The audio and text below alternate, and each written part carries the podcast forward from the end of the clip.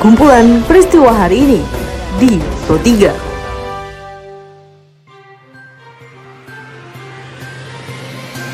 Halo pendengar, saat ini Anda sedang mendengarkan kumpulan peristiwa Pro 3. Pada podcast ini saya akan mengulas terkait isu-isu aktual yang saat ini masih hangat atau ramai diperbincangkan di sekitar kita. Tentu saja pendengar nanti akan saya hadirkan cuplikan informasi dari reporter kami. Bersama saya Tika Anantia dengan naskah yang disusun oleh Karisma Rizky, inilah kumpulan peristiwa per 3 di ruang dengar podcast Anda.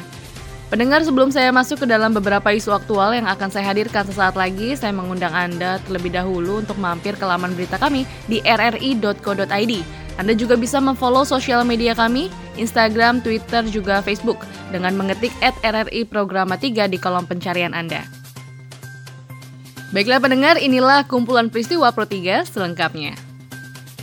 Kami awali informasi pertama datang dari reporter kami Alfred Tuter di mana Menteri Sosial Juliari P. Batubara menegaskan data penerima bantuan sosial COVID-19 di ibu kota dari pemerintah Provinsi DKI Jakarta ini dijanjikan untuk dibuka ke publik. Hal tersebut sesuai dengan arahan dari Presiden Joko Widodo yang meminta bahwa data tersebut harus dibuka secara transparan. Ya nanti sesuai perintah presiden tentunya kami akan buat satu akses begitu ya. Tapi ini bertahap karena kan banyak nih. Artinya pertama mungkin berdasarkan kota ya, misalnya Jakarta Timur, nanti per kecamatan, per kelurahan. Siapa saja yang uh, terima di kelurahan tersebut nanti kita siapkan ya. Tentunya bertahap yang bisa diakses uh, dan tapinya juga uh, tidak hanya sekedar data tapi memang data yang bisa dipertanggungjawabkan begitu. Nanti kami akan siapkan tapi perlu waktu untuk agar bisa mudah digunakan ya. Kalau nanti nggak mudah digunakan juga nanti percuma juga nggak bisa diakses. Dari DKI Jakarta kita menuju ke Banyumas pendengar di mana data penerima bantuan langsung tunai dampak COVID-19 diketahui tidak sesuai dengan usulan perangkat desa di Banyumas, Provinsi Jawa Tengah. Hal ini mengakibatkan munculnya protes dari warga bahwa ternyata data dari pemerintah pusat banyak yang tidak tepat sasaran. Dan berdasarkan dari laporan reporter Robin Abdurrahman, Kepala Desa Wangon Supriyadi mengatakan bahwa BLT sebesar Rp600.000 per kepala keluarga per bulan ini merupakan bantuan pemerintah pusat bagi warga yang terdampak ekonomi adanya pandemi COVID-19.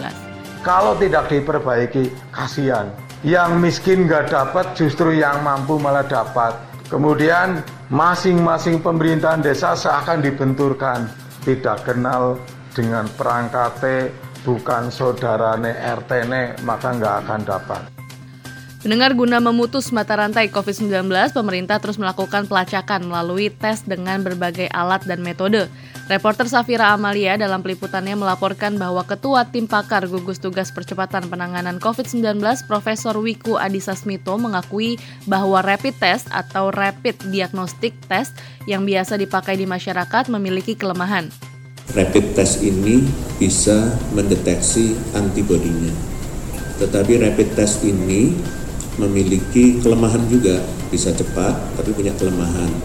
Sensitivitasnya spesifisitas sensitivitas dan spesifisitasnya tidak tinggi sekitar 60-80 persen sehingga akibatnya kalau tidak uh, spesifik bisa saja sensitif menemukan sesuatu yang positif tapi setelah dites dengan yang gold standard yaitu RT-PCR tadi bisa saja hasilnya lain.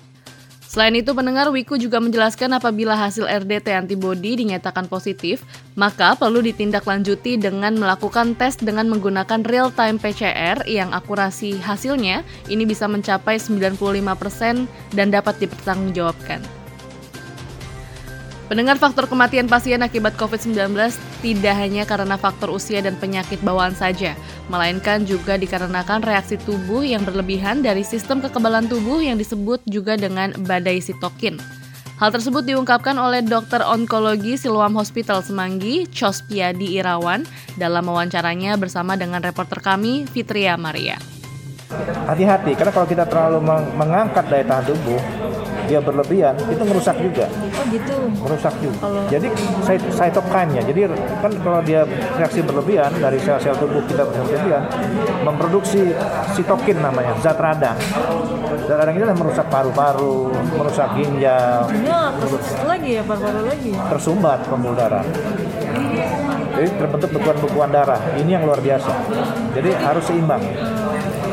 Ada gak tuh Bang, pengalamannya yang seperti itu gitu Ada. kelebihan imunitas jadinya malah Yang meninggal begitu. oh gitu Yang meninggal itu terjadi. Oke. Pendengar informasi selanjutnya berdasarkan dari laporan reporter ini Hairani di mana Presiden Joko Widodo menekankan pentingnya antisipasi dan mitigasi dampak kemungkinan terjadinya musim kering yang lebih berat dari sebelumnya. Presiden Joko Widodo juga memberikan tiga arahan dan kebijakan yang harus disinergikan antara pemerintah pusat dan daerah agar ketersediaan bahan pangan pokok tetap terjaga. Pertama, ketersediaan air di daerah sentra-sentra produksi pertanian. Ini merupakan kunci. Oleh sebab itu, ini harus disiapkan dari sekarang, mulai dari penyimpanan air hujan, kemudian memenuhi danau, waduk, embung, kolam retensi, dan penyimpanan air buatan lainnya. Yang kedua, percepatan musim tanam, kita harus manfaatkan curah hujan yang masih ada saat ini. Harus dipastikan bahwa petani tetap berproduksi dengan menerapkan protokol kesehatan. Kemarin juga sudah dibicarakan mengenai stimulus ekonomi untuk petani agar nanti juga dipertajam lagi. Yang ketiga, manajemen pengelolaan stok untuk kebutuhan pokok, untuk bahan-bahan pokok. Hitung-hitungannya betul-betul harus detail, Bulog tetap harus membeli gabah dari petani sehingga harga di petani menjadi lebih baik. Sementara itu, pendengar Menteri Koordinator Bidang Perekonomian Erlangga Hartarto menjamin bahwa stok 11 komoditas aman. perkembangan eh, pangan seluruhnya cadangan maupun eh, stoknya relatif terjaga.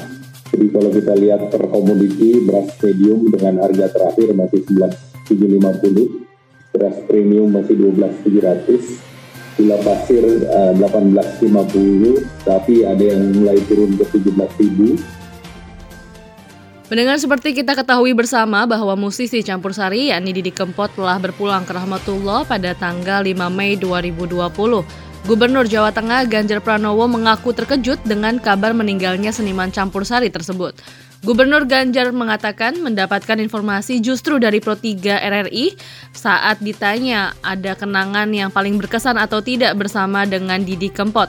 Ganjar menceritakan ketika bersama Presiden Joko Widodo dan Didi Kempot ngobrol soal wayang sampai kepala negara mereka tertawa bersama-sama. Saya belum belum saya tidak buka televisi, belum buka handphone, belum melihat baca koran, belum apa-apa. oh Jadi demikian telepon dari RRI belum tahu, tapi ketika anda mewawancari tadi bapak yang terakhir kok menyebut meninggal, Innalillahi wa inna rojiun. Nah, Ya, baru tadi terkejut betul saya ini. Satu ketika kita bercanda bertiga sampai tertawa-tertawa di Purworejo dengan Pak Presiden. Hmm. Ngobrol Ya, apa Udah itu? Hmm. lama sekali. Oh ya, anu wayangan gitu. Terus kemudian mengundang Mas Didi. Terus kemudian saya nonton mendampingi Pak Presiden. Terus kemudian kita ya ngobrol sampai ketawa-ketawa. Pak Presiden ketawanya sampai ditahan-tahan apa luar biasa begitu ya. Dan itu sejak itu kita sering me- bertemu sama Mas Didi di event-event wayang begitu. Karena Pak Presiden ini suka banget setiap wayang kemudian dikasih selingan-selingan Mas Didi Kempot gitu. Sehingga kalau Pak Presiden nonton biasanya Mas Didi Kempot ada gitu. Apalagi beliau sama-sama orang dari Solo. Mengenai sosok Didi Kempot, Gubernur Ganjar menyebut bahwa almarhum adalah seniman besar yang sangat merakyat. Kendati merupakan salah satu penyanyi papan atas Indonesia, Didi Kempot tetap menjadi sosok yang ramah dan merangkul berbagai kalangan, termasuk juga anak muda. Didi Kempot memiliki komunitas untuk penggemar dengan nama Sobat Ambiar. Pendengar informasi tadi sekaligus mengakhiri perjumpaan kita pada podcast edisi hari ini. Anda masih bisa mendengarkan podcast edisi hari ini dan hari lainnya di Spotify dengan hanya mengetik Pro 3 RRI di kolom pencarian Anda. Pendengar tetaplah menjaga jarak, tetaplah berada di rumah, selamat menunaikan ibadah puasa. Saya Tika Nantia beserta dengan tim editor Karisma Rizky undur diri. Sampai jumpa. Jalanan ibu kota DKI Jakarta Kumpulan peristiwa hari ini di Pro 3.